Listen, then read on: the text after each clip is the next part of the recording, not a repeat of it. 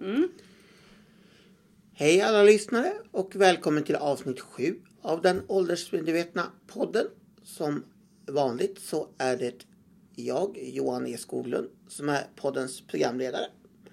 Och med mig har jag de två experterna på och skaparna av begreppet åldersmedvetet ledarskap, nämligen Barbro Skoglund. och Kaj Skoglund. och som vanligt får jag väl säga så kommer vi alla från Age Management i Sverige AB. Och i det här avsnittet tänkte vi leka lite Mythbusters för de som känner till det från eh, TVs Discovery. Vi ska nämligen slå hål på ett antal, eller några myter i alla fall. Och den, vi har valt att kalla det för det demografiska avsnittet. Myten om en gammal ut, en yngre in. Men vi ska också eh, prata lite grann om kompetensförsörjningsproblem. Är det så att vargen kommer? Och vi kommer även att komma in lite på om svenska arbetsgivare är bäst i klassen när det gäller hur man ser på äldre arbetskraft. Så vem känner sig manad att ta sig an denna spännande ämne? Jag tar gärna den första bollen. Då får du göra det Barbro. eh, alltså när vi började för hösten 2000. Alltså det här med att inse att demografin, det vill säga att allt färre skulle försörja allt fler. Eh, det hade ju demografer pratat om i, i många år innan. Men när jag tittade så att säga, såg på kurvorna och framför allt när jag tittade på de klassiska befolkningspyramiderna så insåg jag att det här var ju någonting som alla skulle kunna se att vi måste göra någonting åt det här. Redan då, hösten 2000, så tyckte jag att vargen den, den kommer, men det är, smart, det är jättesmart att faktiskt förbereda sig på att den ska komma. Ehm, och det tyckte nog en massa andra också, eller hur Kai? Ja, det kan man väl eh, ställa sig den frågan. För i praktiken var det ju så att när vi, vi vandrade runt eh, och diskuterade det här då med arbetsgivare och även fackliga organisationer. Och eh, alla var väldigt vänliga och sa som så att jo men det här är jätteviktigt. Men det hände faktiskt ingenting. Eh, en del sa rakt ut att jo, det blir säkert problem men inte i vår organisation eller vårt företag för vi kommer att rekrytera de unga och vi ska vara en attraktiv arbetsgivare. Och eh, man kan väl säga att på de här 15 åren så är det inte så mycket som har förändrats. Annat än att eh, det är faktiskt så att de unga börjar ta slut. Och även de nya svenskarna finns inte heller på plats. Därför att en av de, de viktigaste frågorna som gör att det här är en helt ny situation. Eh, man kan säga så här. Den gamla arbetsmarknaden, om vi kallar det för det, industrisamhällets arbetsmarknad, präglas utav ett, ett eh, eh nollsummespel. En går i pension och en annan kommer in. Och det är en lysande affärsidé när en demografisk pyramid ser ut som en pyramid. Men den här demografiska pyramiden är ingen pyramid längre utan det ser ut som en, en, ett träd, det vill säga ett träd med krona. Alltså en ganska smal stam och sen så, så är det som två bullar upp till. Och det är de där två bullarna som är då eh, 40 och 50-talisterna. Och det här flyttar sig uppåt men, men i en tanke att det ska vara ett nollsummespel, det vill säga man kliver av arbetsmarknaden för att göra plats för en yngre. Så det är klart att då är det ju perfekt att folk slutar mellan 61 och 67. Och det är bara sådana här eh, obehagliga typer som hänger sig kvar. Som, som faktiskt inte, eller som faktiskt finns på arbetsmarknaden. Eh, och det här gjorde jag en undersökning på redan 20, 2009 och det var fortfarande samma sak. Ja, okej då, det kanske händer men eh, vi ska bli bäst på att rekrytera de unga så det här är inget problem för oss. Mm-hmm. Jag kommer ihåg eh, eh, väldigt väl för kanske var fyra, fem år sedan när vi pekade på exempelvis gruppen undersköterskor och sa det att eh, den här stora gruppen undersköterskor som gick ut i arbetslivet på 60-talet, 70-talet, de kommer snart att gå i pension i stora mängder. Men det var faktiskt ingen så, som riktigt tog det på allvar. Ja men herregud, vi har ju 50 sökande när vi utannonserar en underskötersketjänst. Ja, sa vi, men det här kommer att ändras ganska snart. Och idag är vi ju faktiskt där. Och ännu värre blir det om ytterligare några år. Så att om det är någonting som har förändrats så är väl det ändå... Förr talade vi om vargen kommer. Kommer någon varg? Ja, eh, vargen är här nu inom allt fler branscher och allt fler områden. Det är väl bara att konstatera. Det här du pratar om nu det är hälso och sjukvård och, primärkommun, alltså äldreomsorg, eh, apropå undersköterskor.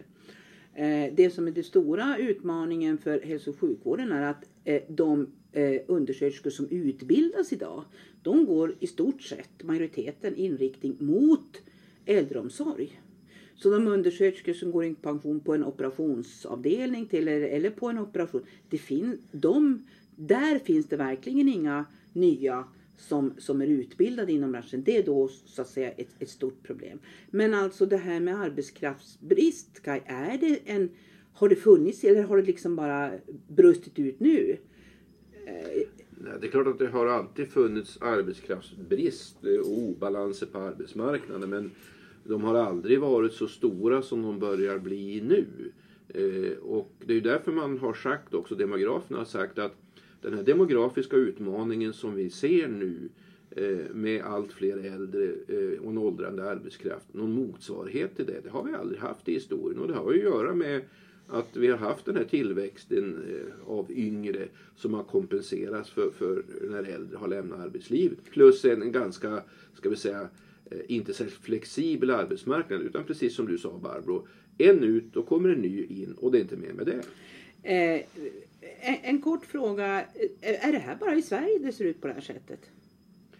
Nej, det här är ju en, en situation som vi ser i hela västvärlden. Eh, och även i, i, andra delar av världen, till exempel i Japan.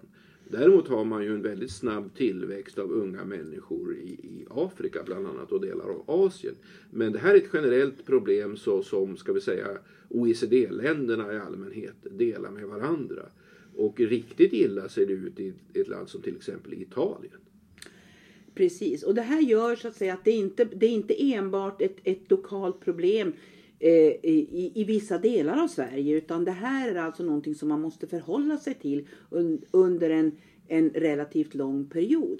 Ja, men det här med en in och ett ut då. Jag vill gärna fördjupa mig lite grann i detta därför att den stora utmaningen är att i ett industrisamhälle och framförallt i löpande bandprincipen så plockar man ut en så sätter man dit en ny. Nu, det vi brukar kalla ska alla arbeten ersättningsrekryteras? Det vill säga ska alla tjänster ersättningsrekryteras? Och då handlar det inte om att en person som av någon anledning slutar har gjort ett dåligt arbete. Utan vad är det egentligen som styr vilken typ av kompetens och, som man vill ha i en organisation? När det gäller det privata näringslivet så är det affärsplanen. Självklart, åt vilket håll ska det här företaget utvecklas? Då måste man fylla det med en kompetens som det behöver. Och det är ju likadant i offentlig sektor. Om vi då tar återtar vården som ett exempel, den medicinska utvecklingen och datoriseringen och eh, allt sånt här leder ju till att det ställs helt nya krav. Så där talar man ju inte om affärsutveckling men, men egentligen är det samma företeelse som brukar gå under benämningen verksamhetsutveckling. Men Barbro, en annan sak som ju vi har stött på det är ju att när vi talar om äldre i arbetslivet och, och eh, eh att man ska försöka få behålla de erfarna medarbetarna längre än man gör idag i många fall. Eh, då får vi ofta höra, ja men är det inte bättre att man släpper in ungdomarna på arbetsmarknaden, att de äldre ger plats för de yngre? Det där är en väldigt, in... och den bygger på eh, antagandet, det jag var inne på tidigare, men vi ska, vi ska förtydliga det. Ja, eh, bra att du ställde frågan. Eh, det bygger på att arbetsmarknaden i så fall är ett nollsummespel. En, en ut och en in. Men förutom det du, alltså verksamhetsutveckling och affärsutveckling så är det så att det, arbetsmarknaden ser inte ut så idag. Därför att du, du har, det är flera parametrar, som man säger, flera funktioner som påverkar vilken typ av arbetskraft man behöver. Och då finns det två myt, en myt till man ska slå hårt på. Man måste stoppa in de, de unga för att det är de som är de mest flexibla, det är de som kan all ny IT. Och det här är inte en åldersfråga, det är inte en generationsfråga utan det är faktiskt en fråga som går från person till person. Det, det, en, en rolig sak i sammanhanget, multitasking som är ett sånt eh, eh modernt ord, man gör många saker samtidigt. Och det här pratar man väldigt ofta om att det är det man gör vid datorer och unga människor är duktiga på. Det visar sig nu från en forskningsrapport att ju mer erfaren man är desto skickligare är man på att multitaska. För multitaska bygger på erfarenhet. Att du vet hur du ska hantera den information som du, som du använder utav. Och det, det är en, en, en viktig faktor. Samtidigt så eh, var det en forskare, eller en, en expert som menade att en sån universalgeni som Leonardo da Vinci skulle inte kunna ha fungerat i dagens samhälle för han kunde inte multitask utan han gjorde en sak åt gången och så gjorde han det klart. Just det. Och därför skulle en sån person inte ha fungerat idag. Ja, å andra sidan kanske det visar Johan att eh, eh, man kan vara framgångsrik utan att multitaska. Alla kanske inte passar för just det. Alla men, det kanske finns, inte- men det finns arbetsuppgifter så, som inte förutsätter multitasking. Men en annan sak så, som eh, jag gärna vill ta upp eh, det, det är ju det här med det vi alltid brukar säga, både och. Det vill säga att det är inte så att det finns en motsatsställning mellan yngre och äldre i arbetslivet. Vi behöver faktiskt eh, båda dera. Eh, sen visar ju nationalekonomisk forskning att länder som har ett eh, tidigt eh, utträde, eh, låga pensionsåldrar, har en sämre ekonomi och en högre ungdomsarbetslöshet, vilket ju kan vara värt att notera. Till sist får jag bara säga det att det vi också brukar säga det, tidigare in, senare ut. Vi behöver få ut ungdomar snabbare på arbetsmarknaden än idag. Det är ju statistiskt sett om man närmar sig nästan 30 när man kommer ut i arbetslivet. Och då blir det ett väldigt kort arbetsliv. Och samtidigt behöver vi ta tillvara de mer erfarna medarbetarna bättre. Och då kommer vi till den stora problematiken att den större delen utav ungdomar idag som står utanför arbetsmarknaden har inte en treårig gymnasiekompetens. Det är alltså en, en, en, hel, en hel vad ska jag säga, process. Eh, vi vet idag att den viktigaste faktorn för att, klara, att eh, få ett slutbetyg, att få betyg överhuvudtaget, på, men framförallt på gymnasieskolan, det är att man vet vilket mål som gäller, vad jag ska kunna för att uppnå den, bety, det bety, den betygsnivån. Och det vet väldigt få ungdomar idag.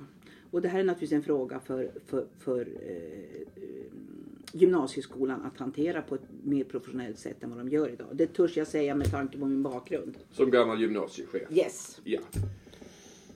Bra, då hade vi avklarat två stycken eh, av de tre sakerna vi skulle prata om. Det var det här myten om en gammal ut yngre in och lite om vargen kommer. Men hur var det med det här med företagen och deras attityder som vi skulle prata lite om?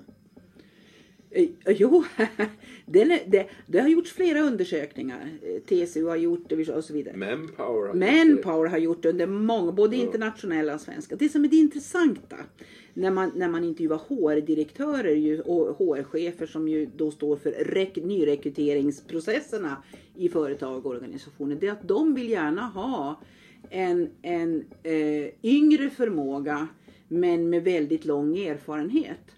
Och, det som, och, och som kan arbeta så att säga längre. Eh, och det här, de som kommer sist på skalan den senaste undersökningen jag såg, det var faktiskt de mer erfarna. Och avslutningsvis, alltså det är en tulipanaros som är fascinerande. Eh, att se att man inte även här har, har insett att man måste göra både och.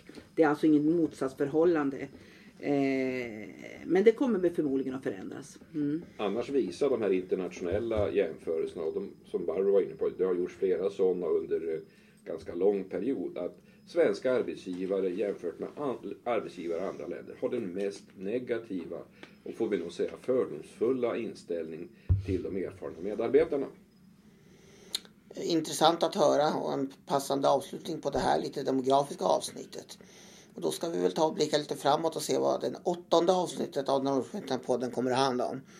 Och då har vi väl tänkt titta lite grann på politikens roll. För politiker älskar ju att lägga sig i det mesta, det vet vi ju. Och även den här frågan om äldre arbetskraft har ju inte varit fri från, jag menar alla vet ju vad vår före detta statsminister sa om hur länge vi borde arbeta. Och då ställer vi oss helt enkelt frågan, vad kan och bör politiken göra för att förlänga arbetslivet? Är detta enbart en fråga för parterna? Men det blir nästa avsnitt. Nu ber vi att få tacka vi som har pratat i det här avsnittet. Det är Barbro? Johan Okej. Skoglund.